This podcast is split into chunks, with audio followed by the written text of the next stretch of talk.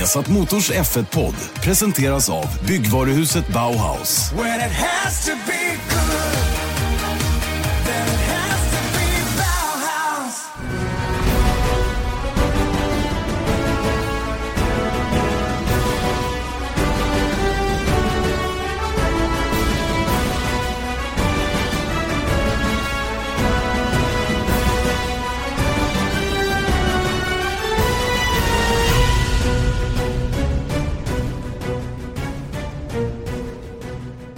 Ny vecka och eh, ni hälsas hjärtligt välkomna till Formel 1-podden med Janne Blomqvist, Erik Stenborg. Formel 1-podden Viasat Motors Formel 1-podd för övrigt som ni alltid hör på Acast, på iTunes eller på viasasport.se. Erik Stenborg, eh, allt bra? Mycket bra. Ja, härligt. Mycket, mycket bra. Härligt. Du då? Ja, jag mår ju toppen. Nej, don't say. Don't say. Vi lämnar det. Det var, ro, det var roligt. Jag, eh, Det låg ändå på, Ja, på ja. tungan. Absolut, ja men det är ju så här, vi är gamla vänner vi och lyssnarna. Så alla vill ju veta statusen. Ja. Det roliga var att igår kom jag hem från Åre. Jag var och åkt i- på isen med Porsche. Mm. Jätte, jättekul. Och så kliver jag av flygplanet så kommer det fram en man och säger tack för bra podd säger han. Ja, Ja. vad kul, tack. Hur är det med knät? Så att eh, jag tycker det var toppen. Och det, visar- roliga är att eh, en annan kollega nu har gjort sönder knät. Ja, Så att, eh, Rudell ja. ringde idag. Ah, du vet jag var uppe i Å- Åre, åkte skidor och så knakade det till bara. Så han skulle åka och undersöka det där nu. Ja. Ja. Och så när jag hörde hur han beskrev det så tänkte jag oj oj oj det där var nog korsbandet. Ja. Och han hade väl fått någon mer som hade sagt samma sak där så att vi får väl se hur han... Ja, han lät inte så, så nöjd. Men eh, det är tur att inte du gör podden med honom längre. Exakt, för det hade blivit jättetokigt. om två, två män som tycker synd om sig själva. Ja, det är ingen manflu det här eller? Nej, det här är verkligen. mycket, mycket värre. Verkligen. Nåväl, det om detta. Roligt med F1-podd i alla fall och som vanligt så har det hänt färska saker. Mm. Igår kom det nämligen ut uppgifter om att eh, Saubers nye förare då, teamkamraten till Marcus Eriksson, Pascal Wehrlein, eh, råkade ut för en skada i samband med den där rullningen han gjorde i, i Race of Champions. Mm. Eh, en skada som, eh, ja, som har drabbat nacken då om jag har förstått det hela rätt. Mm. Och att han eh, eh, genomgår vidare läkarundersökningar. Mm. Och det här, Vi tar det från början att det var ju Race of Champions, det här var två helger sedan. just det. någonting och han och Felipe Massa kör mot varandra, det är så det går till i Miami Mm. och jag, vad jag förstår, jag har bara sett kraschen, jag såg inte själva Race of Champions men då, då går ju efter målgång på något vis så får han sladd, drar igenom en barriär upp på Massa, Mm. rullar bilen och sätter den stenhårt rakt in i en betongmur som tur är med undersidan av bilen. Just det. För att det där är alltså, för det första att rulla med en öppen bil Mm. med en passagerare. Just. Eh, Och på det sättet han körde, för han höll ju bara ner genom sista kurvan. Det var ju totalt bara flat out och Mm. bilen understyrde lite grann. mm, Drev ut och sen så touchade den in Felipe Massas bil som du sa och sen tyckte jag att den inte styrde ordentligt. ja, Och då, då är det precis som att han tappar kontrollen över den och så slår den runt och när den går in i en barriär. ja. Och, men, men bara att köra med trehjuliga bilar, för det är bara Ja. ett bakhjul, två framhjul, det är klart att den tippar lätt. Mm, Tycker jag är, är, är, borde ifrågasättas, Mm. minst sagt. det gör de nog nu. Säkert. Ja. Men i alla fall, då gick han därifrån Mm. som man eh, såg på bilderna i alla fall att han knallade därifrån och eh, sen har man inte hört något mer om det. Nej. Och nu så kom det upp eh, var motorsport.com va? Ja, alltså det Ja, var det- nog Automotorsport, alltså tyska Automotorsport som, Ja. eh, som eh, kommer först tror jag. Mm. Och sen så fick ju de här eh, notiserna eh, Sauber att reagera på det och göra en kommentar i alla fall Mm. på sociala medier om att eh, det som stod överallt var pure speculation och men att eh, further medical exams are going on. Mm. Det vill säga han, han, behöver, han behöver eh, träffa läkare flera gånger då för att eh, bedöma hur allvarlig den här skadan är. Då. Mm. Och nacken är, det på något vis eh, utifrån det vi kan läsa oss till. Mm. Jag ringde till Sauber igår när jag kom ut för att få lite mera kött på benen. Så, självklart så säger de ingenting. Eh, Ingenting mer än eh, någon annan har i alla fall. Eh, så att, eh, och upprepade det här speculation. Mm. Så att, eh, ja vi vet inte men det är så om vi tillåter oss att spekulera lite. Mm. Det älskar vi. Det är Ja. ju, den här podden är ju en ren spekulation. Det är det vi gör. Att om man bara tittar på tidslinjen nu, att nu är det ju två veckor till testerna drar igång. Mm. Eh, Det står i de här artiklarna i alla fall att han skulle kunna Missa. missa åtminstone några testdagar. Men säg så här. Om man, om, du, om man går in på Pascal Wehrleins sociala medier nu, inte ett ljud, sen Miami. Nej, han har mer eller mindre gått under jorden. Ja, Mm. och det borde man ju egentligen, det kan man ju tycka är lite så här, jag vet inte, jag har inte följt honom som, så noggrant, men jag tänkte liksom att att eh, ens, om det är jätteallvarligt, då skulle han, alltså jag förstår inte att det inte har kommit ut tidigare. Nej. Men det kanske inte är så farligt liksom med nacken, alltså inte vet jag. Men eh, eh, säg att han missar alla tester. Mm.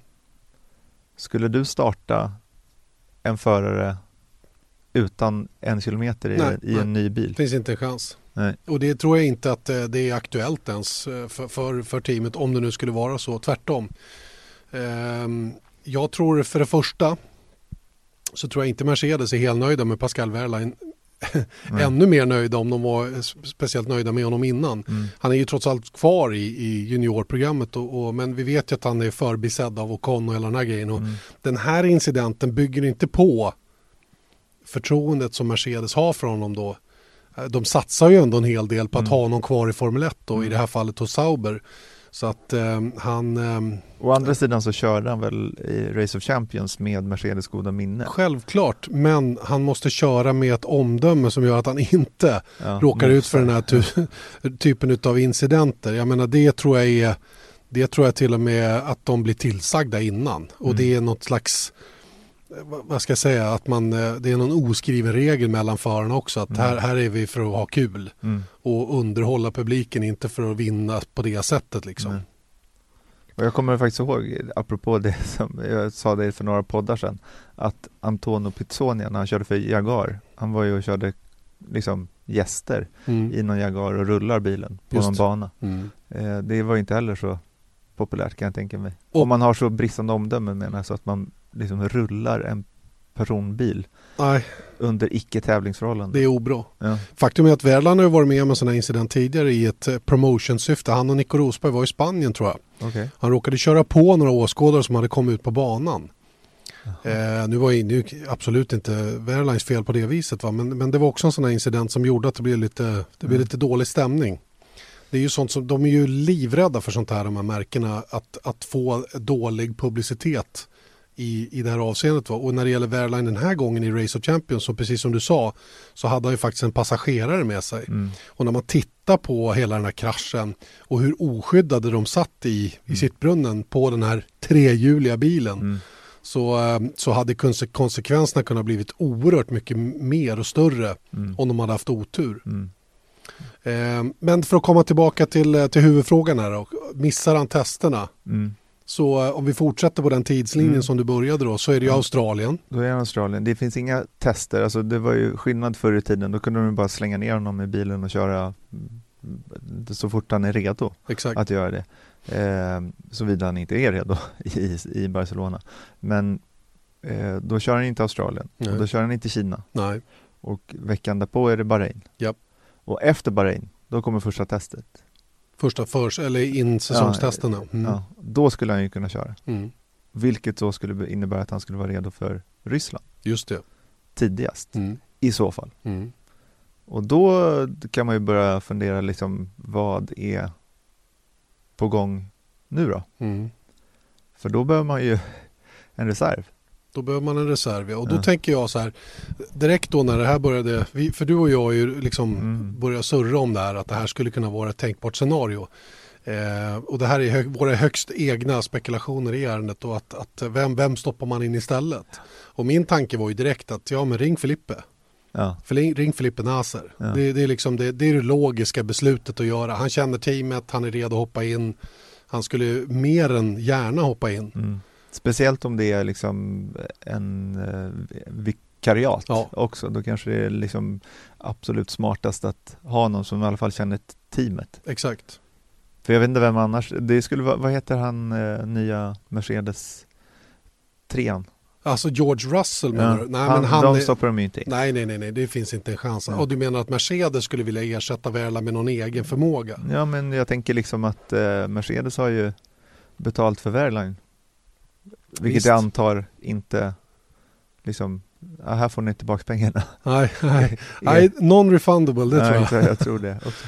Uh, ja, nej, nej, nej, men det, det, det, det är osannolikt. Mm. Han har, jag tror inte ens han har superlicens om jag ska vara riktigt Mm. ärlig. På så här kort tid tror jag han har svårt att fixa det också. Ja. Så att, eh, nej, ja, det ska ju vara om man kör testerna. Ja, nej, det, det, det känns inte sannolikt. Nej. Jag tror att det måste vara någon, någon befintlig förare som har blivit sidelinad. Typ Gutierrez, Nasser, Det resten. Di Resta. Ja, Di Resta skulle ju kunna vara då som är, som är också anlitad av Mercedes. Mercedes. Men han eh, har väl ett kontrakt med Williams fortfarande Ja. som utvecklingsförare där. Så att, eh, Williams Mercedes. typ. Mm. Ja, inte Ja, vet vi. inte men vet vi men nu. eh, det är faktiskt eh, Men vad- lite... Om jag droppar Robert Kubica då? Ja, Han är ju sugen. han är sugen har han sagt. Ja, det kom ju upp också häromdagen att han är, känner sig redo nu. Mm. Eh, Robert Kubica, polacken alltså som för några år sedan kraschade svårt i ett eh, försäsongsrally. Mm. Han körde ett asfaltrally på, på vintern i Italien. Körde in i, en, eh, in i ett vägräcke som klöv bilen Mm. på mitten. Han skadade sin högra arm. Mycket, mycket svårt. Det var väl... Han gick alltså rakt in genom eh, fronten på bilen och sen så fortsatte, alltså den stack ju i stort sett ut ur I bakluckan. bak, ja. precis. Och delade bilen på två och skadade Robert Kubica mycket, mycket illa och som gjorde att han inte kom tillbaka efter det till Formel 1. Mm. Eh, och eh, det här eh, gjorde ju då att han fick ju liksom se över sin karriär. För det första att bli återställd Mm. så pass att han kunde börja köra igen. Och vi vet ju då att han fortsatte åka rally. Eh, han har gjort någon DTM-test. Eh, han ska köra för eh, va? I Mm, Le Mans, LMP, i prototyp. Ja. ja. Och eh, körde även eh, lite GT-race. Just det, för Renault. Nu är säsongen som var här. Så att eh, han, han håller sig uppdaterad. Va? Och nu säger han att han är redo att testa Formel 1 igen. Att han rent fysiskt uppfattar att han skulle kunna klara det. Mm. Och problemet som jag förstår det med- honom var ju att det var ju fin motoriken i handen. Mm. Att liksom röra på händerna och så var inte något stort problem. Men det är ju liksom att det, var, det är så mycket handgrepp på en F1-ratt och det är väl liksom ännu mer nu också. Mm. Så att jag vet inte riktigt vad som har hänt men det är väl mycket möjligt att de har liksom rehabiliterat Ja, nerver tränat och, Tränat och upp så. sig. Ja, det kan ju ta jättelång tid. Sen hade han ju en, en han hade svårt med ehm, att röra sig, att armen följde ja, med. Så, armen ja. så han hade lite tufft att, att eh, få plats i en Formel 1-cockpit så att säga. Han behövde veva med armen mer tror jag än vad som det fanns utrymme för då. Mm. Men det är också sånt där som man säkert kan träna, träna sig till då att klara av på ett bättre sätt. Mm. ja det vore, alltså, han Vilken var, PR-kupp det vore. Ja, herrejösses. Mm. Och jag menar Kubica, han var ju en, han var en superstar. Ja. Alldeles i, slutet av hans aktiva karriär innan det här hände. Och sjukt snabb. Jag kommer så väl ihåg när vi gjorde ett reportage om honom. Det var året efter han hade vunnit i eh, Montreal. Mm. Och två år innan hade han den där enorma kraschen när han körde 2000. Sauber. 2008. Ja, och sen- 2009 var det. Ja, 2009. Ja, hur som helst, han kraschar något helt enormt. Eh, så att liksom man ser ju hans fötter sticka ut. Det var precis innan, på väg in i hårnålen. Och liksom fötterna liksom ligger fritt för han har slagit av nosen så hårt. Och sen så året därpå när han kommer med, med BMW Sauber och så vinner han teamets första och Mm. enda seger va? Ja, det är det nog ja. ja. Och ehm, det roliga var att den kraschen öppnade ju för Sebastian Vettel och kraschen var 2007. Just det. För att eh, Vettel körde Toro Rosso 2008 Mm. och eh, det här var ju hans första race i Formel 1. Mm. På Indy på- eh, precis. Veckan efter var det. Exakt. Och eh, Robert Kubica var grymt med besviken på att de eh, inte lät honom köra. Mm. Han tyckte själv att han var eh, helt okej för att ratta. Mm. För det är eh, Kanadas GP och så var det ju då USAs Grand Prix helgen efter då på Indianapolis. Mm. Men eh, där fick Vettel debutera och blev den yngste poängplockaren i historien istället. Mm. Mm. Men vi mötte honom i alla fall året därpå, det måste ha varit 2009 då. Mm. Eh, och då pratade vi dels med honom men även med den här Riccardo Ciccarelli, eh, Formula Medicine-läkaren. Som, och det var då han pratade om att, att Kubica är oförmögen, alltså rent kemiskt, att bli nervös. Mm. Han, det, det saknas någonting. Det existerar Ja. inte i hans huvud. Så han är så eh, liksom lugn liksom, och tror att han kan vinna från sist alltid. Så han var en superfighter rent så mentalt. Mm. Och han var ju inte så dum bakom ratten heller. Verkligen inte, tvärtom. Jag vet att jag hade en sittning med honom Det måste ha varit 2007. Ja, det var det. 2007, samma år då som han kraschade i USA. Fast det var på Magnicour. Mm. Så gjorde vi en längre intervju med honom där. Och, och, eh, man har ju träffat honom några gånger. Jag var på någon lansering utav, eh, utav Sauber BMW i Valencia och fick sitta ner med honom också och prata. Det är en, han är en skön snubbe. Mm. Och, och, jag minns att efter den här rallykraschen så var han så, eh, ja, han bara försvann. Mm. Och då kände jag det där obehagliga att när de inte vill visa sig Nej.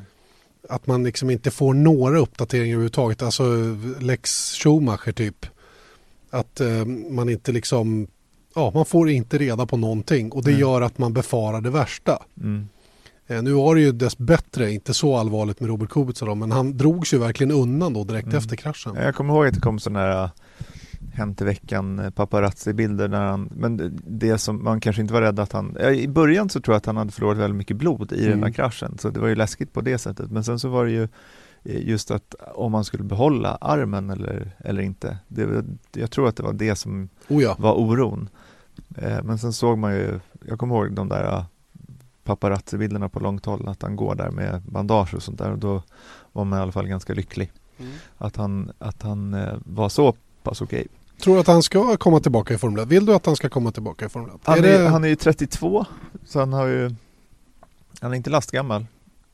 Um, men ja, alltså jag tycker att en sån story hade varit kul. Det är mycket roligare om rent så här magkänslomässigt i alla fall om Kubica kommer tillbaka jämfört med Massa, mm. tycker jag. Absolut. Eh, att det är liksom någon som har kämpat och hur länge har han varit borta? Det var 2000 11 kanske? Ja, det kan vara någonting sånt. Ja. Det kanske vi kan ta reda mm. på här. Men, men eh, eh hur den är så börjar det bli några år sedan han körde en bil. Men nu har inte han kört en, en bil i den här nya generationen utav, eh, utav bilar då med hybridteknik och sådana grejer. Då. Mm. Ja, det var eh, februari, 6 februari, vad fan, det är ju igår. Det är idag. Jaha, det är idag. Ja, det är nästan årsdag ja. på fem år. Ja. Och um, han um, han kan ju naturligtvis bedöma det där bäst själv om man tror att han klarar det. Mm. Han har ju kört de här bilarna när de gick riktigt, riktigt fort då, mm. ja, sådär under 2000-talet. Mm. Eh, och eh, är säkert kapabel att, att ratta en Formel 1-bil. Sen om man är, är, så snabb som han var innan han skadade sig, för då var han ju som du sa en superstar och riktigt, riktigt snabb. Det spelar ingen roll. Jag menar, för Formel 1-sporten så är det precis som du säger mm. en story som är precis vad Formel 1 behöver just nu. Mm. Eller hur? Ja men verkligen. Sen så är det rimligt? Ah, kanske inte. Det är det väl inte va? Och vem, men det är återigen då, det ska ju vara någon som vågar satsa på det. Mm. Jag menar, ge, och det utrymmet tror jag är kanske svårare att hitta. Mm. Vem skulle våga satsa på det? Mm. Och vem, vem, vem är det som tar det ansvaret? Är det Red Bull? Troligen inte. De måste ju ha någonstans, alltså det är det som de, de här styrningarna som är lite mer obvious som skulle kunna ske, mm. då är det ju det är ju typ Sauber. Det är, det, Eller hur? Ja, och, och, nu är det en plats ledig ju, ja, kanske. Exakt. Men det är väldigt I alla fall i våran värld. Då. Eh, Fast det hade varit sjukt coolt. Ja men fatta vilken grej det ja. hade varit. Tänk vad häftigt att se honom. Ja men vi tar in Kubica under försäsongstesterna nu i, mm. i Barcelona istället för Wehrlein som behöver återhämta sig efter den här mm. kraschen. Vi ponerar att det är så. Och så, och så åker han de tre första racen.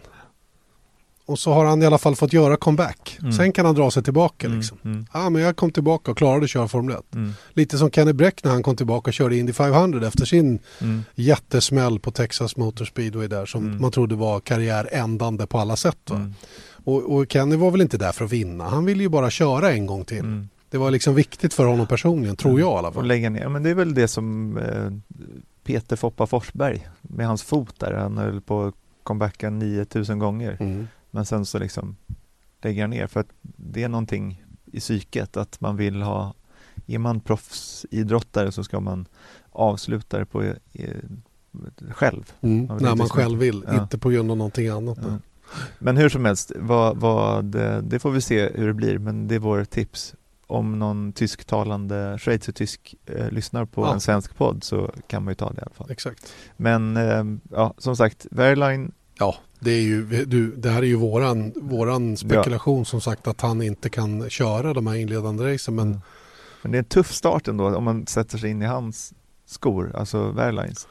Att sitta där nu och sen så antagligen inte veta det här läget hur, hur det känns, eller han är säkert redo att köra men huruvida, man vet inte, tänk om ja. det sprickar på nacken? Exakt, ja men det är ju faktiskt sånt det kan vara. Ja. Att, han, att de har, han har varit på en röntgen och man har sett att det finns sån här hairline fracture eller ja. vad det nu kan vara, va? eller en skadad kota eller mm. någonting. Och vi vet också att påfrestningarna på förarnas nacke i år ja. kommer att bli betydligt högre än vad den har varit tidigare. Mm. Vilket också naturligtvis säkert är en, en en eh, bidragande orsak till att man vidtar speciella säkerhetsåtgärder. Ja, och apropå de här uh, träningsgrejerna som vi pratade om så mycket, att uh, alla är så himla fokus på, på träning. Mm. Har man en nackskada, oavsett vad det är, hur allvarligt det är, så kan man ju tänka sig att han sitter inte och lyfter liksom blyhjälmar just nu antagligen. Verkligen inte. Och då är han ju inte riktigt där heller. Nej, nej. Så att, ja, man får se. Men jag, jag, jag hoppas, alltså, det är lite stökigt också om man tänker sig för Saubers del. Det känns som att eh, det hade varit skönt att veta att eh, med svenska ögon då att Sauber har full fokus på att göra bra bilar. Mm. Inte oroa sig om eh, Fast det är förare. två olika läger tror jag. Så kan det vara, men det är ändå, jag tänker bara med så här storlek på förare, mm. seatfits, det kan han väl göra i och för sig ändå, men ja, who knows. Det är inte bra i alla fall. Nej, det är det definitivt inte. Nej. Apropå det så uh, uttalade ju faktiskt Jörg Sander, den nya tekniska direktören i Sauber, uh, igår tror jag. Uh, det var väl Sauber själva som kom med en intervju som de hade gjort mm. med, med honom då, där han eh, uttalar sig för första gången egentligen sen comebacken i Sauber. Han har ju varit de två senaste åren hos Audis eh, sportvagnsteam mm. och eh, nu eh, är han tillbaka då som teknisk direktör och han han eh, låter ju faktiskt försiktigt optimistisk måste jag säga när man, när man hör vad han säger. Och jag tror inte att han är en sån som skräder orden så att säga bara för sakens skull utan då har han nog lite täckning för att tycka som man gör. Mm. Om det inte är det man, man gör. Skräder med orden menar du? Ja, alltså. men att man eh, eh, är försiktigt optimistisk i sin första eh, intervju. Ja, självklart är det så, men, men eh, jag tror samtidigt, det, så som Sauber har varit de senaste åren så tror jag att eh, det är liksom, de är nog lite försiktiga med att, att skriva upp sig själva så att säga. Va? Mm. De, de, har ju, visserligen kan de ju knappast gå bakåt något mer. Nej. Utan Nej, nu är det bara framåt man kan gå, så det är ett ganska safe men, men så som det låter på honom så är han i alla fall inne på att de, de ska kunna överraska konkurrenterna till och med. Mm, mm. Och att verkligen komma med någonting bra. Och jag, ja, jag vet inte, det, man får en känsla av att det är ärligt i alla fall det som kommer från honom. Mm. man verkligen hoppas på det. Och att de är redo från start. Ja. Inte liksom med tanke på motorn och fjolårsmotorn och, och allt det där. Att det är inte någon sån här uppbyggnadsfas så att de ska vara redo i Singapore för då, då kan det ju vara ganska sent sett till motorutveckling. Så som jag har uppfattat det så är det raka motsatsen i år att man har en helt annan plan för den här säsongen och ett ganska gediget uppdateringsprogram under året som kommer att leda till att den här bilen kontinuerligt utvecklas också då. Mm. Vilket jag tror är ett krav att ha när det är ett nytt reglemente som kommer in. Det kommer att finnas en otrolig utvecklingspotential i de här bilarna mm. i och med att det är nytt för de allra flesta, då, eller det är nytt för alla så som bilarna ska byggas till den här säsongen. Va? Och då gäller det att vara med mm. i det här uppdateringskriget uh, ja, eller vad jag ska kalla det då, under året. Mm. Vilket talar emot det som vi pratade om tidigare runt Manor. Deras vara eller icke vara.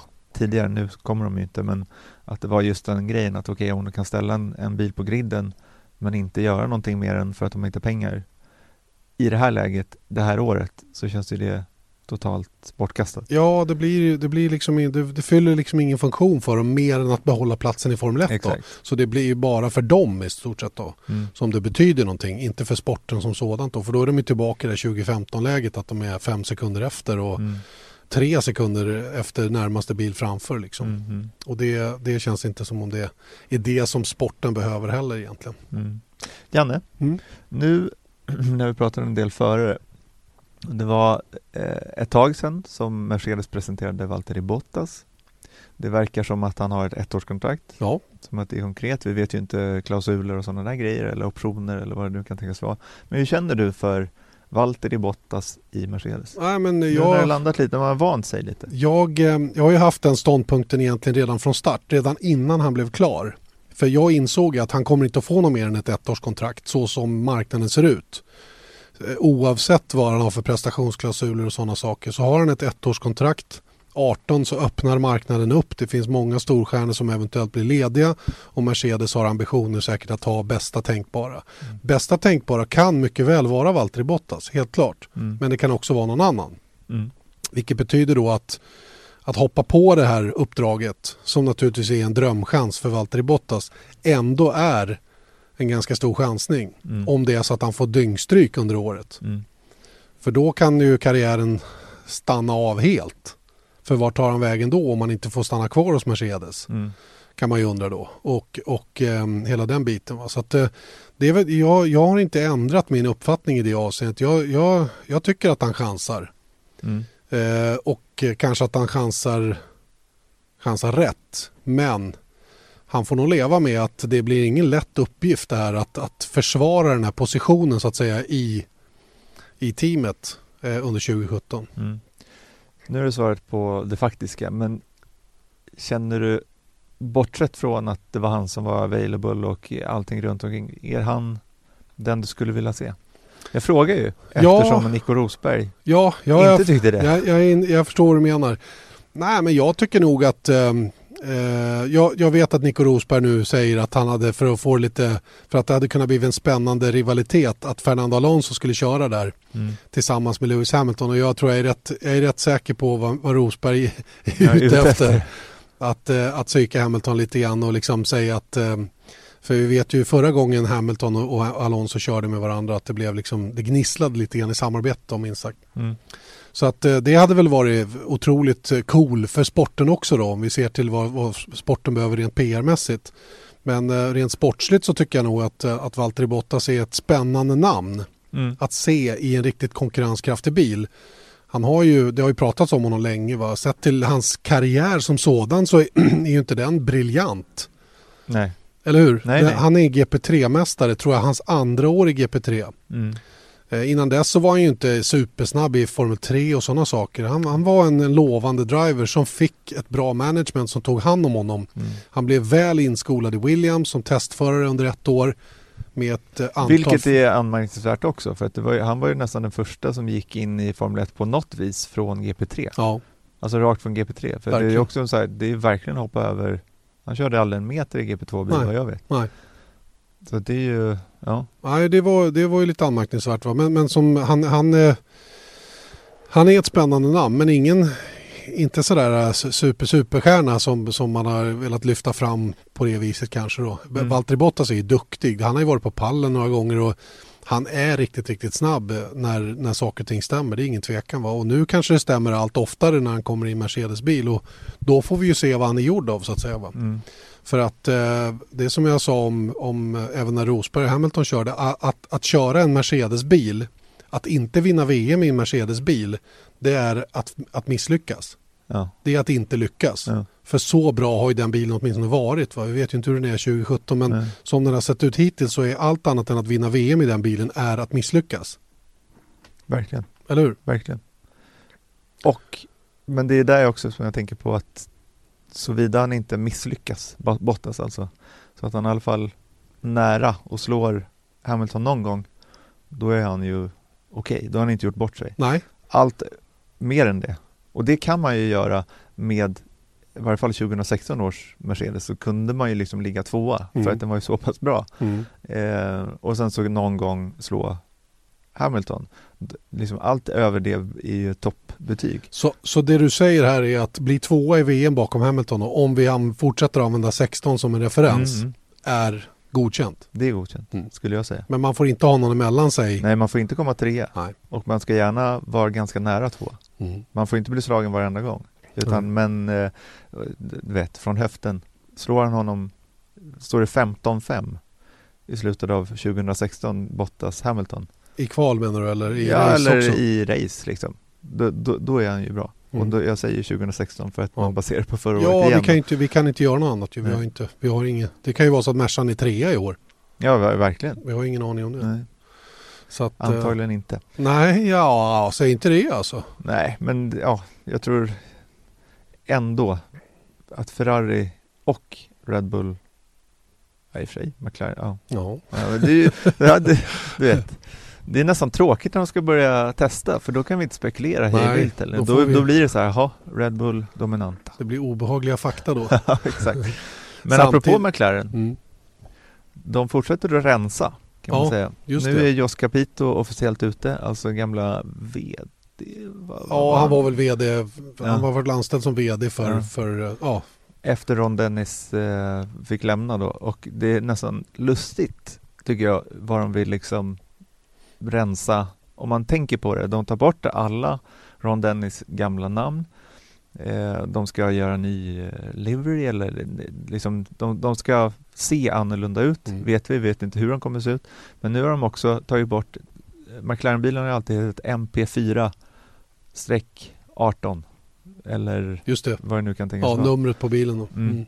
Hette de 31 förra året? MP4 31? Ja, det kanske de gjorde ja. Eller Ja. 30, 30 eller 31. Ja, Nu ska det i alla fall heta MCL. 32. Just det. Och MP4 står för ehm, eh, att det var ju eh, Ron Dennis som började. Marlboro Philip Morris va? Står det för det? Ja, fast det är Project 4, Formula 2 team. Ja, okej. Och det var ehm, när Ron Dennis hade ju ett F2-team som hette Project 4. Och när de gick ihop med McLaren F1 Aha. och eh, det, det är så jag, jag, har hört det här Marlboro Philip Morris också. Mm, mm. Men jag tycker att McLaren Project 4 Det låter Mer troligt mer ja. troligt. Ja. Speciellt som förkortningen var den då. Ja, MP4. MP4. Men nu ska de heta MCL 32 Just det. och eh, det, ska vara, det är en av de här launcherna som jag ser fram emot mest. Mm. Bara för att se så här, vad de hittat på. Då. Exakt. Och om bilen då blir orange, vilket spekuleras i, Mm. som är den gamla eh, Bruce McLaren-färgen, Ja. långt innan Ron Dennis tog över. Mm. Och att eh, den dessutom då ska ha någon form av grönt i sig då. Mm. Eh, med eh, den nya Castrol. Castrol eh, BP-sponsorn då som de kommer Mm. att ha, eller leverantören snarare då, Mm. utav olja och bensin då. Samma som Renault också kommer att ha för Mm. övrigt. Orange och grönt, hur känns det? Orange och grön, så lirar det egentligen? Jag Kanske inte gör det. Orange och svart kan jag leva med. Det tror jag skulle Ja, kunna men det hade funka. varit coolt. Men det kanske bara står någonting. Ja, vi får se Ja. helt enkelt. Det blir spännande. Och det, jag, menar, det är ju, det, jag tycker det är, det är många som har chansen att, att göra lite nytt avtryck. här. Vi har ju efterlyst att Sauber ska vara lite mer Ja. offensiva när det gäller design och utseende och kanske bli lite mera marketing. Mm. Eh, ja, Ja, de blir inte gul och blå. Nej, nej. För det var ju Banco do Brasil. exakt. Och det var ju så att innan banken kom in Mm. 2015 så var ju bilen blå och vit. Där det gula var, där var bilen vit. Och det var så den var tänkt att se ut. Sen så när banken kom in så Aha. la man på det gula. Så man lämnade en liten remsa med vitt. Hey, I'm Ryan Reynolds. At Mint Mobile, we like to do the opposite of what Big Wireless does. They charge you a lot, we charge you a little. So naturally, when they announced they'd be raising their prices due to inflation, we decided to deflate our prices due to not hating you. That's right. We're cutting the price of Mint Unlimited from $30 a month to just $15 a month. Give it a try at mintmobile.com slash switch. $45 upfront for three months plus taxes and fees. Promo rate for new customers for limited time. Unlimited more than 40 gigabytes per month. Slows. Full terms at mintmobile.com. Längst fram på sidepodden och så vart den gul bakom då och så den blå texten då. Det passade väldigt bra. Okej, den skulle varit blå. Den skulle ha varit blå men med vit sida då där den är gul. Där den var gul. Okej. Det var liksom tanken från början.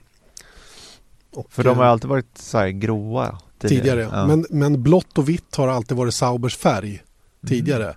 Sen att den har haft det utseendet den har haft bakåt i tiden har väl också haft att göra lite med vilka sponsorer de har använt sig Mm. av och sådana saker. Så att, eh, ja, Ja men Sauberbilarna har ju verkligen sett, eh, Sauberbilarna har ju sett väldigt annorlunda ut genom åren. mm, De har ju haft eh, helt svarta, de har varit typ ljusblå och lite lila där när de hade Credit Suisse och Red, Bull, och, mm. och sen så grått.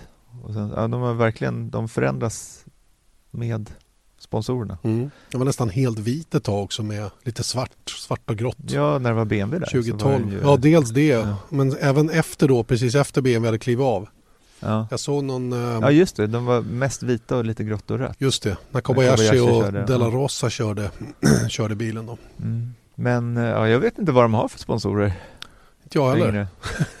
Inte jag heller ärligt talat. Och framförallt så eh, har, har man ingen riktig aning om vem som vem, om, det, om de tänker till runt omkring det där. Om, Mm. man, om man verkligen försöker göra någonting som sticker ut lite grann och, och Mm. blir lite spännande. Och, jag menar, jag vet ju folk har ju eftersökt eh, merchandise-grejer, alltså tröjor, skjortor, kepsar och sådana grejer. De har ju varit väldigt low key när det gäller sådana bitar och Mm. knappt haft saker till försäljning. Ja, och, på banorna har de inte haft det. Nej. För det är så, det, för FOM tar så mycket betalt för Exakt. att få ha sina grejer i de här tälten. Mm.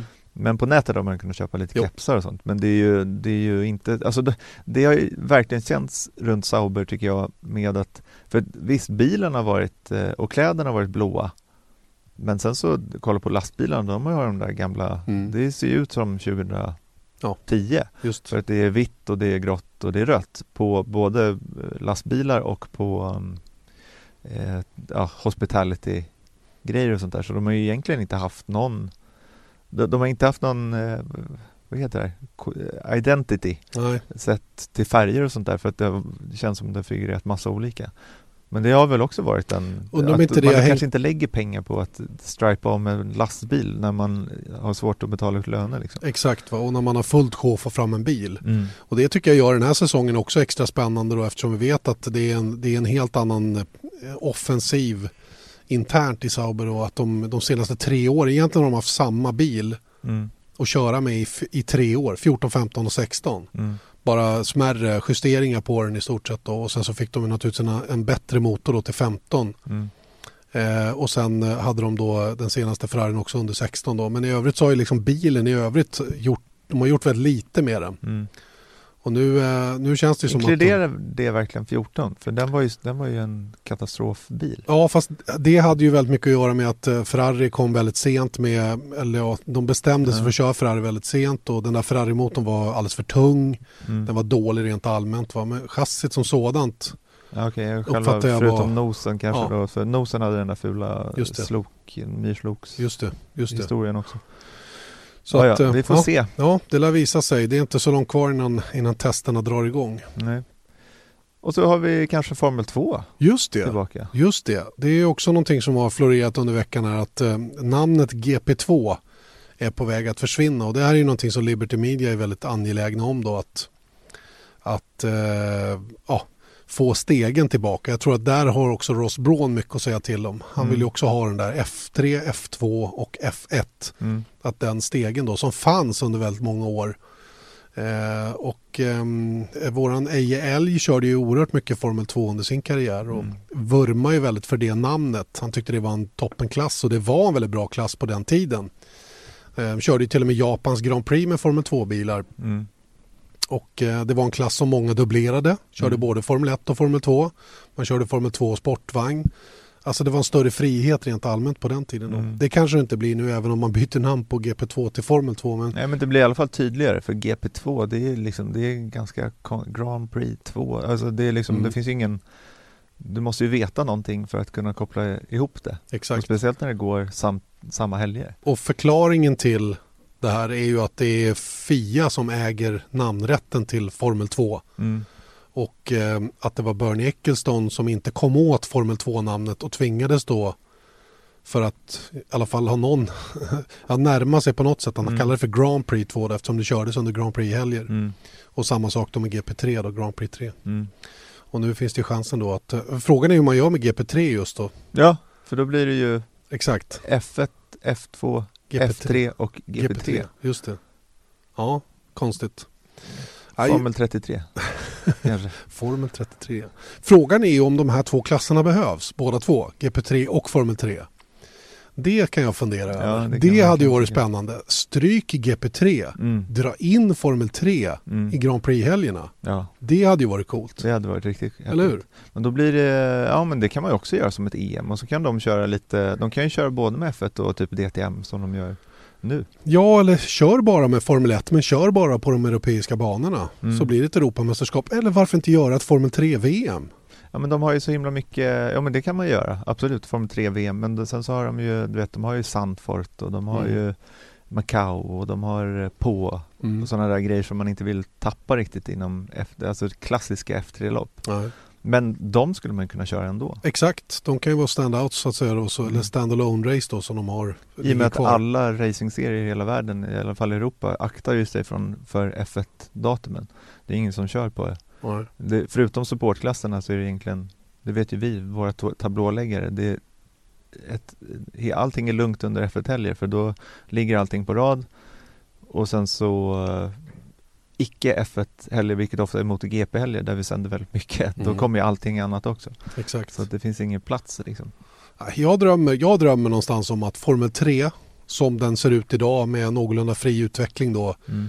Eh, skulle bli då en, en VM-klass som Mm. körde ihop med Formel 1. Det, det tycker jag vore oerhört eh, så här kittlande. Mm. Att, att vi får hela stegen. Mm. Eh, precis som Moto 2, Moto 3 och Moto GP. Mm. Eh, på, på ett sätt som, som håller ihop på ett himla bra sätt och där förarna tar stegen Moto 3 till Moto 2, Mm. Moto 2 till Moto GP. Va? Att man får, Fast det borde heta Moto 1. ja, självklart, självklart. Men, Men- men, eh, ja, men jag tycker det, och bara se F3 Monaco till exempel Ja, igen, visst. det hade varit väldigt häftigt. Det hade varit, alltså, shit. Ja. coolt. Ja, jag kommer ihåg när jag såg det senast faktiskt eh, i Monaco Formel 3. Då körde Lewis Hamilton Mm. i ASM. Mm. Teamkamrat med Sutil tror jag var den gången Mm. eh, i teamet. Och, eh, ja, det var senaste gången man körde Formel 3 i Monaco. Mm. Och, eh, ja, det, det tycker jag. Eh, på något sätt så, jag, för, jag förstår GP3 för den klassen är en enhetsklass, ingen Mm. utveckling. Eh, man, eh, man, man har hittat ett, ett hyggligt koncept men jag vet inte. Jag, jag, återigen, jag ser hellre Formel 3 än GP3 på den positionen så att säga. Och att man döper om GP2 till Formel 2 och sen har man hela den stegen under Grand Prix-helgerna. Det, det tycker Mm. jag vore toppen. Och sen sett till när GP3 startades var väl F3, om jag inte missminner mig, in i en väldigt djup svacka. Jag kommer ihåg att jag var på DTM på Nyby Ring och såg eh, F3 Euro Series. Tio bilar typ. Alltså max Mm. 10 bilar och liksom fyra sekunder mellan varje bil. Mm. Det var helt dött alltså. Mm. Men nu är det ju superstarkt. Exakt. Ja, vi får se om, om Liberty är med på noterna. För jag tror att nyckeln till det här är ju att Liberty Media och FIA samarbetar på ett bra sätt och vill ungefär samma saker. Mm.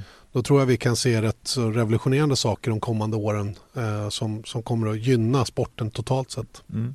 Ja, vi får hoppas på det. Mm. Det om detta, apropå supportklasser. Eh, roliga nyheter igår. Mm. Eh, Porsche Supercup eh, ska ju fortsätta köra med Formel 1. De har förlängt kontraktet. Mm. Och- Vilket var lite sådär, Ja. sådär. Det hängde lite i luften där men eh, de bestämde sig i alla fall för att köra vidare då tillsammans under Formel 1-helgerna. Eh, Porsche Supercup som är det starkaste Porsche Carrera Cup-mästerskapet i världen. Mm. Och det som är extra roligt är ju att det nu blir svenskt på startlinjen den här säsongen i ung Filip Morin. Mm. Filip Morin som har varit eh, och, nosat lite på Supercupen var väl och körde något race förra året i Ungern tror jag det var. Mm. Eh, och eh, gjorde skapligt bra ifrån sig också och nu tar han steget upp och kör i den här huvudklassen då för Porsche Carrera Cup. Han Mm. kommer att dubblera då och köra ett antal Carrera Cup Scandinavia race också. Mm. Vilket ger honom mycket körning då. Mm. Tidigare har ju många dubblerat och kört det tyska mästerskapet och Mm. Supercupen. Men det tyska mästerskapet ser också lite svajigt ut numera. De har svårt att hålla ihop det där och, och eh, få samma standard på det som det har varit tidigare. Mm. Men nu, det är kul, nu har vi en svensk i F1 som förare i alla fall Mm. och sen så en i GP2, Gustav Malja och Filip Morin i Supercup så det är Mm. väl bra. Det är bra, riktigt bra är det. Och det vi visar ju, GP3 bara. ja vi- visst. Fast vi har en i Formel 3. så Vi har ju det framförallt en i Formula E också då, Ja. Felix Rosenqvist som finns där. Så att vi representerade väl på, på Mm. internationell basis så att säga då, med duktiga förare. Och där tycker jag återigen speglar hur stark svensk motorsport är just nu. Att, att, eh, att killarna får ihop det Mm. och kan eh, sätta ihop sina budgetar. Att det finns folk som, som att de har gjort resultat som gör Mm. att det finns eh, människor som vill supporta och, och finansiera Mm. de här satsningarna. Very good. För alla. Very good för alla ja. Och ehm, ja, Nu har vi en lyssnarfråga. ja det har vi ja. Just det, Mm. jättekul. En lyssnarfråga som, ehm, som låter så här. Ja, hej. Fredrik von Werder heter jag och har en liten fråga till den här suveräna F1-podden. Eh, nu inför 2017 så undrar jag om Pirelli kommer med ett bättre regndäck som kan hantera lite mer vatten och inte ge så mycket spray och kanske inte så mycket vattenplaning. Så att det funkar lite bättre på de här racen som är drabbade av regn helt enkelt. Det är min fråga. Ja, tack för mig. Eh, bra fråga. Mm, Angående regndäcken då i, i Formel 1 som har fått mycket kritik. Mm. Och vi skulle ju självklart kunna försöka besvara den här frågan men det är vi inte kompetenta nog att göra så det, vi har tagit hjälp. Mm. Vi ringde upp Roberto Boccafogli som eh, är kommunikationschef på Pirelli och eh, pratade lite däck, eh, regndäck och däck i allmänhet. Roberto, of course, lots of talk about tires ahead of the 2017 Formula One season. How's it going so far in general for Pirelli? So Pirelli is very, very ambitious for this season, which is going to starting in Australia with the first Grand Prix at the end of March, but uh, with the first uh, pre-season testing session, double testing session in Spain, starting the last two days in February. The job done with the new tires has been a really a huge one. We must thank, we like to thank all the teams for their participation in that, especially Ferrari, Mercedes, and Red Bull, who shared the 24 days testing last year with uh, their uh, make cars uh, with an adaptation to what the possible aerodynamics coming in 2017 will be. Because uh, we remember that uh, all the tests have been made with these cars. The new cars are just uh, going to be presented, let's say, in two, two weeks from now. The job was very good, It was very long we lost uh, some days due to the bad weather, but we are really feeling to be in the good direction. We feel that and we share this feeling with all the teams, which makes us very satisfied, even if we know that we are just at the start of the job. The real job will be possible to be measured when the season, the actual season starts. Yeah, and uh, speaking about the the new regulations, uh, except the actual sizes of the tires, what's new? Regulations for 2017 allows uh, a big increase in uh, the aerodynamic loads, uh, which will be about 20% compared to last year. To face the very very high new speeds we will face, especially in cornering, because we should not be finding, at least at the start of the season, more speed at the end of the race. But for sure, we will be, we all will be very much uh, uh, faster during the corners. Uh, the new regulation regarding tires, as you for sure know, enables to have wider tires by a 25% compared to the last seasons, which makes uh, the rear tires wider 405 millimeters. Mm-hmm. It was a 325, and the front tires will be 305, 305 millimeters, when they were 245. So 25 more of the width. It will mean a wider patch on the tarmac, a wider area of contact, but for sure also an optimized area of contact. That's why we are really waiting to have, especially with the new tires, much more grip in the corners and so much higher speeds. This will change dramatically the speed lap and all the laps in Formula One. Mm-hmm. But uh, then, regarding what what you're doing to meet uh, these new speeds, is, is there um, new constructions? Is there um, um, regarding the slicks? Then is it? Um, I mean, will you be able to drive the tires in a different way compared to the last few seasons? So for sure, uh, we must wait uh, the actual testing with the new tires, which is, as I repeat, in Spain, starting the end of February, and then of course the races. Always races with new cars show something different from the simulations we all made with the old cars and the new tires. Having said that, uh, we are quite confident because we didn't only wide up the tires, but also changing totally the construction of them.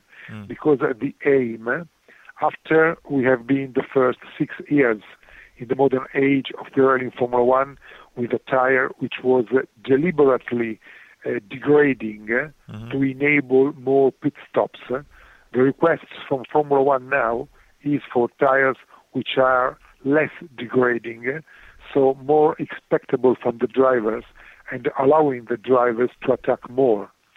Uh, this has been achieved for what we have seen in testing, but once again, the real answer will be done, will be answered only when we see the new tires coming on the ground. Mm. And speaking of uh, wet weather tires, there was a fa fair bit of talk about the wet tires last season, not the least after the Brazilian Grand Prix, where there was some aquaplaning. Uh, what can we expect from the inters and wets in 2017? Is there new compounds there, constructions, or, or even thread? Yes, uh, I would like to start uh, from the Brazilian Grand Prix because everybody talked of aquaplaning, but it was not real aquaplaning. Mm-hmm. Aquaplaning is when you are in the straight and you simply lose your car because your tires don't drain the water anymore. Mm. This kind of aquaplaning was always happening in the end of a very, very fast corner, which was the last corner before the straight, the pit straight. And this was not only a tire aquaplaning, it was a car aquaplaning. Yeah. This is why, because uh, this is because with the new uh, rule, which uh, don't uh, allow to change the setting of the car when it rains, you cannot raise up your cars. So cars are very low on the tarmac. If you don't change them and if it is raining, you find much water on the track. The car is simply floating mm. on the water, but it is its bodywork, it is his uh, uh, underbody which touches the water. It is not only a question of tires.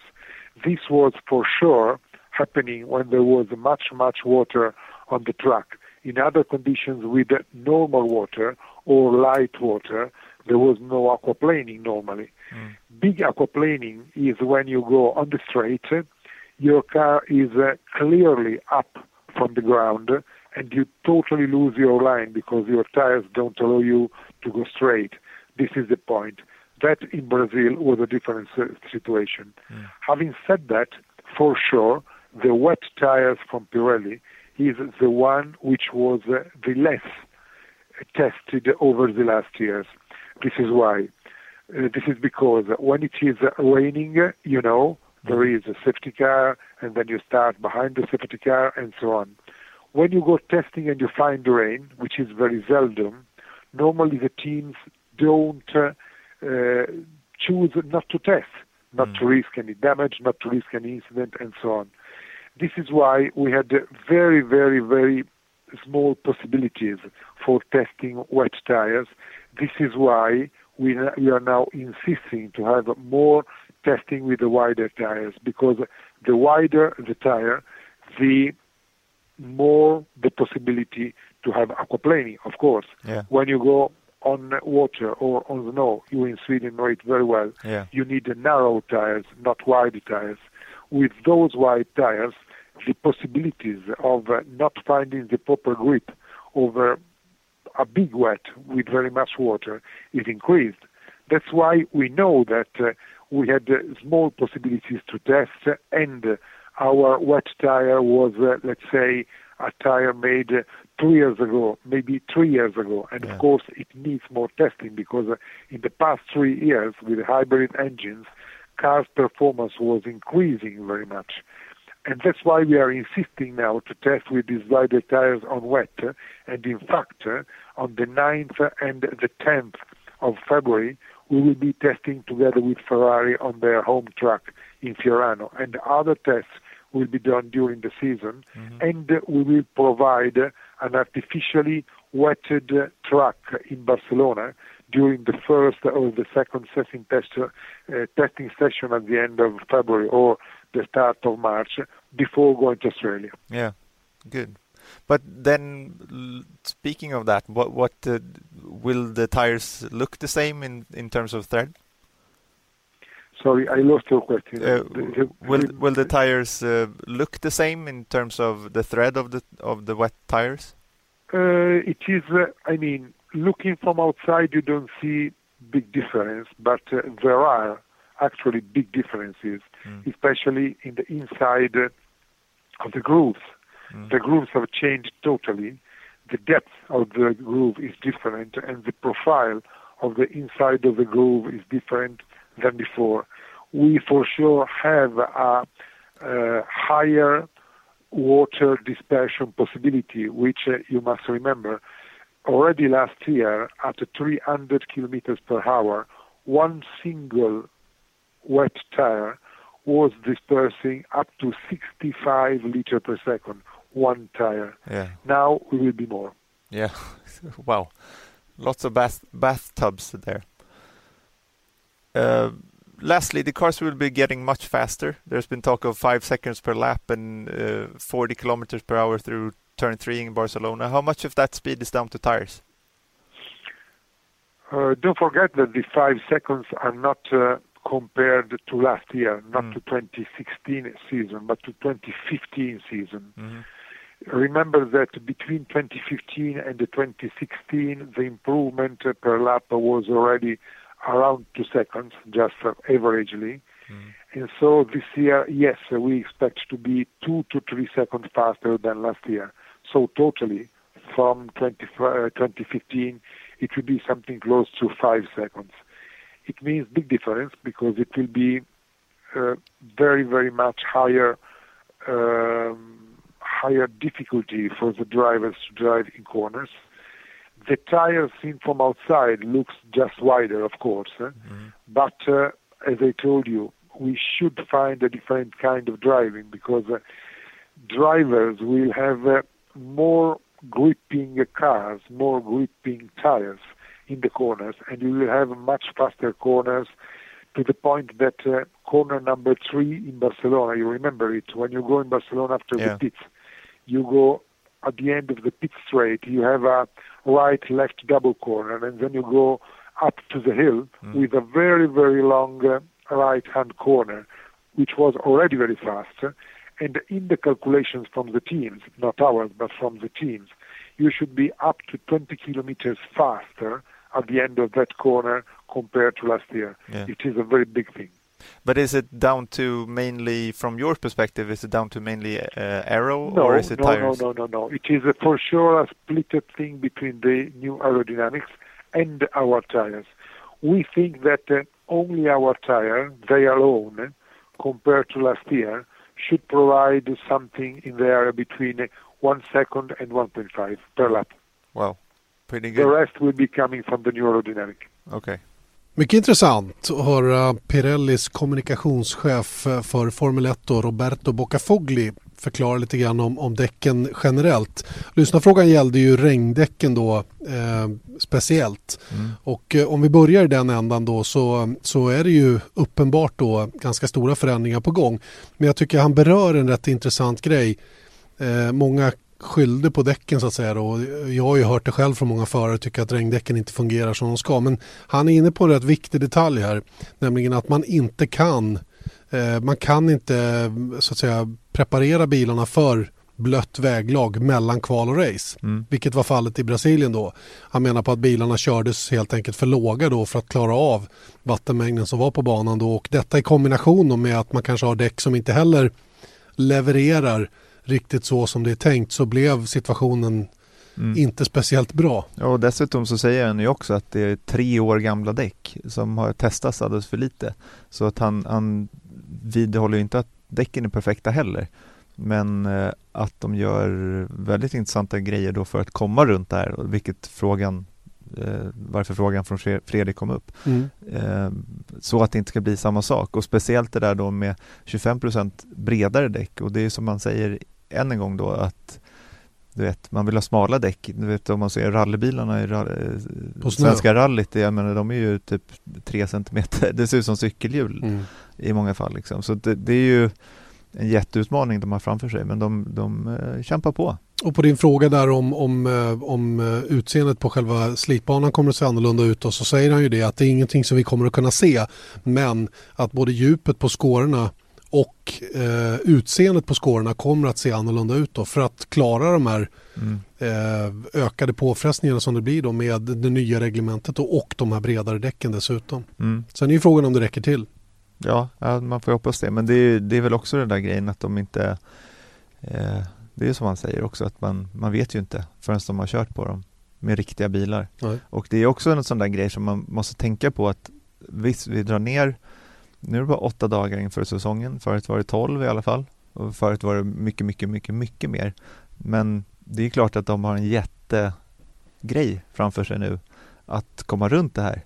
För att, och det faktum att de gör sådana här eh, artificiella eh, regnväderstester och sånt, det är väl antagligen rent av livsviktigt. Ja, och de första redan den här veckan då som vi Mm. hörde 9-10 februari men också under den avslutande testen i Barcelona där man också kommer att använda tankbil då för att blöta ner Mm. banan då. Man har ju inte några sprinklers eller sådana saker i, i Barcelona just utan då är det tankbil som gäller då. Mm. Så får man möjlighet att köra regndäcken på någorlunda rimliga förhållanden då för att, eh, för att eh, bättra på prestandan. Mm. Eh, pratar ju mycket intressant också om, om torrdäcken här och som, som kommer att bli mycket, mycket snabbare i år just för att de blir så pass mycket bredare då mot vad de har varit tidigare då. Och han är också inne på att man ändrar konstruktionen i däcken då för att han säger ju det att de första sex åren sa han va, Mm. som vi har haft Pirelli då så har man ju bett om att få en, en artificiell degradering i däcken då, ett, ett prestandatapp i dem då för att få till fler depåstopp.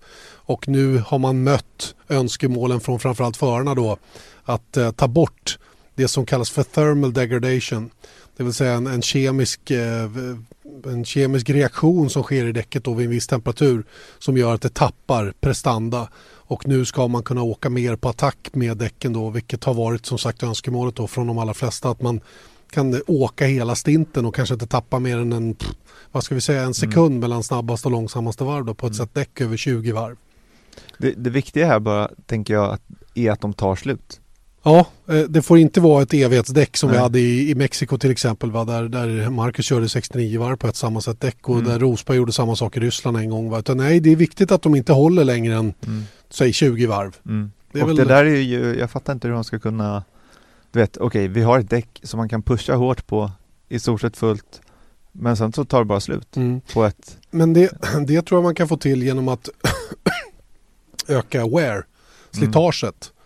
Så att Mm. man helt enkelt eh, ja, redan i förväg vet att så här många varv kan man åka. Sen blir det helt enkelt, sen tar gummit slut i slitbanan och då, då går det inte att köra på det längre. mm. men det är ändå lite sådär om man ska se det lite pessimistiskt så tänker jag bara på Kommer ihåg första åren där med, vet, det, låg, det såg ut som de åkte på en grusgång ungefär för att det var så mm. mycket gummirester och, och allt möjligt. Och om, om det blir liksom problematiskt då för dem att hitta rätt i det här, för det här är ju inte lätt.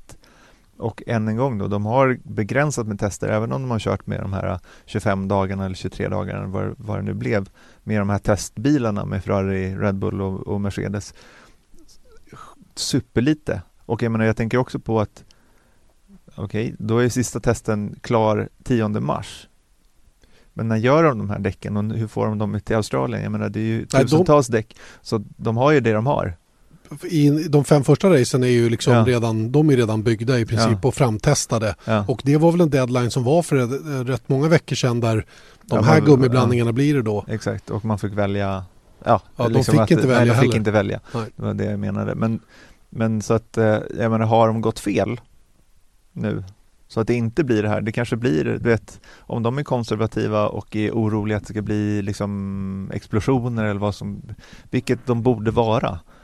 Eh, det vore ju väldigt tråkigt då om man märker att nej, men det blir ett depåstopp bara för att man måste. Mm. Ing, allt det här som vi haft med tre gummiblandningar som har liksom skakat om lite, det är inte heller liksom på samma eh, vis som förra året till exempel, utan tänk om det blir då att ja, men då sitter de och åker soft, medium Mm. och sen går de i mål. Och med bilar som kanske är svårare att köra om med Mm. för att det går så mycket fortare. Exakt. Så att, eh, ja, det, det, det är ju, man slås ju det av gång, gång efter annan hur mycket som faktiskt ligger på Pirelli. Mm. För hur- att det här är det som liksom är utslagsgivande. Och hur Hur dåliga förutsättningar de har fått för att göra en bra produkt. Mm. Vilket jag har varit kritisk till alltid egentligen. Mm. Att de inte har tillgång till en, till en riktig bil att testa med. Mm. Ligger ju lite grann i deras intresse att skaffa sig det då. Mm. Kanske bygga en egen. Mm. Men det är ju också en fråga om hur mycket, hur mycket pengar de ska investera i det här.